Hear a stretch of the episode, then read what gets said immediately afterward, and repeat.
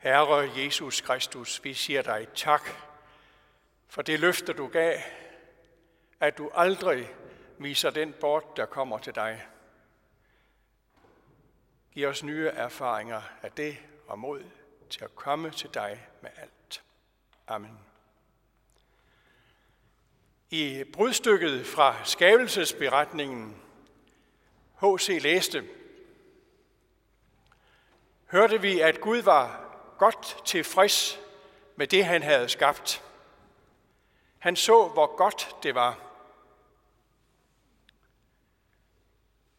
I evangeliet er det næsten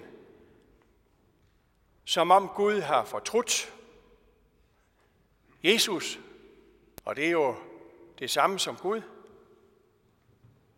udbryder, du vantro slægt, hvor længe skal jeg være hos jer, hvor længe skal jeg holde jer ud? Hvad er der sket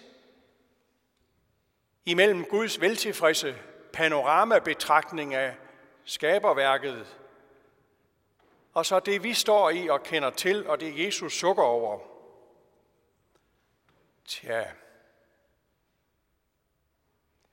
nu var vi lige lettede over at være næsten ud af coronaen.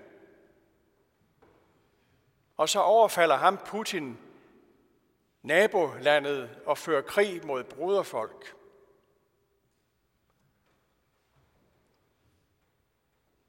Min søn er heldigvis rask igen efter sin sygdom. Men nu er der et barnebarn, der mistrives i skolen og skal til psykologisk udredning. Vi ved ikke, hvor det ender. Jeg er så glad for mit nye job, men nu er der lige kommet besked om, at firmaet skal indskrænke, og jeg risikerer at blive fyret.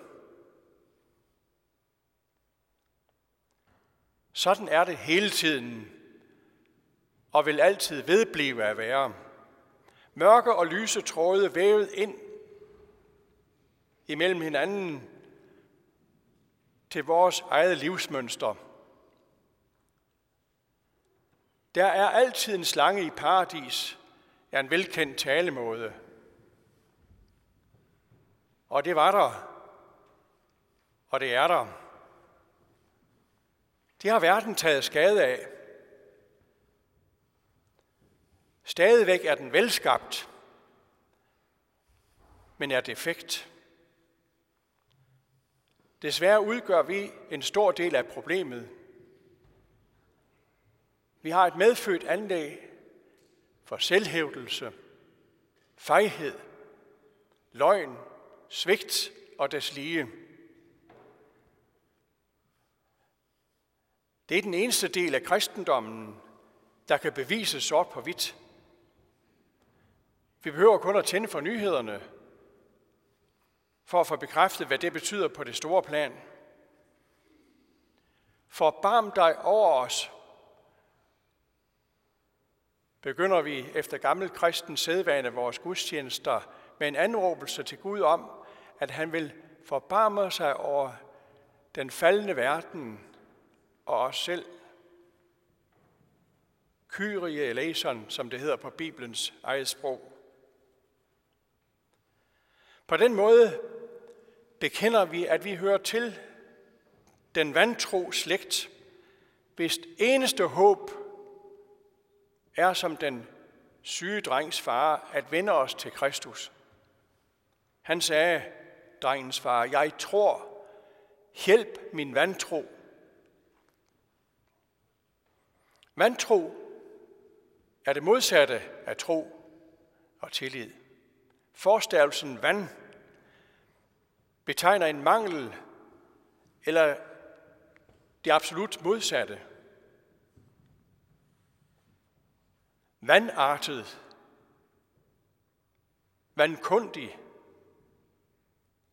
vandrygt, vanvid. Alle mennesker uden undtagelse hører til den vantro slægt. Jøder og muslimer og humanister og ateister, såvel som kristne. Vantro er ikke som i islam en etikette, man skal sætte på andre. Det er den fælles hovedsygdom,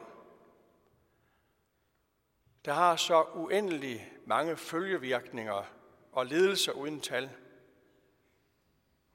Den syge drengs far tøvede ikke med at bekende, at han hørte til den vantro slægt. At indrømme, det er at give Gud ret. Vi ejer ikke det, der skal til for at komme tilbage i paradis. Fra begyndelsen var det Guds tanke, at vi skulle leve i paradisisk idyll, uden at mangle nogen verdens ting. Gud så alt, hvad han havde skabt, og han så, hvor godt det var. Men idyllen fik en ende, da menneskene lod sig indbille, at det var bedre at gå Gud bag ryggen. Verden er fortsat velskabt, men er ikke fuldkommen. Tilværelsen er uperfekt på grund af vores mistillid til Gud, vores vantro. Vi trænger virkelig til hjælp.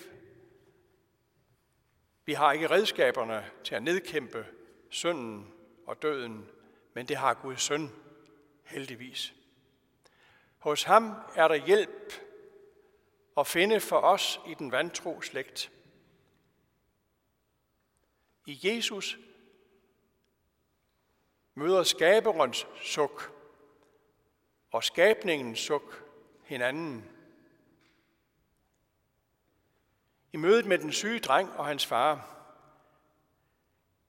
viser Jesus i et glimt Guds rigets herlighed, hvor nød og elendighed er et overstået stadium. Og endnu en gang bekræfter Jesus, at han aldrig nogensinde viser den bort, som kommer til ham. Hos ham er der virkelig hjælp i al nød og forladelse for al synd.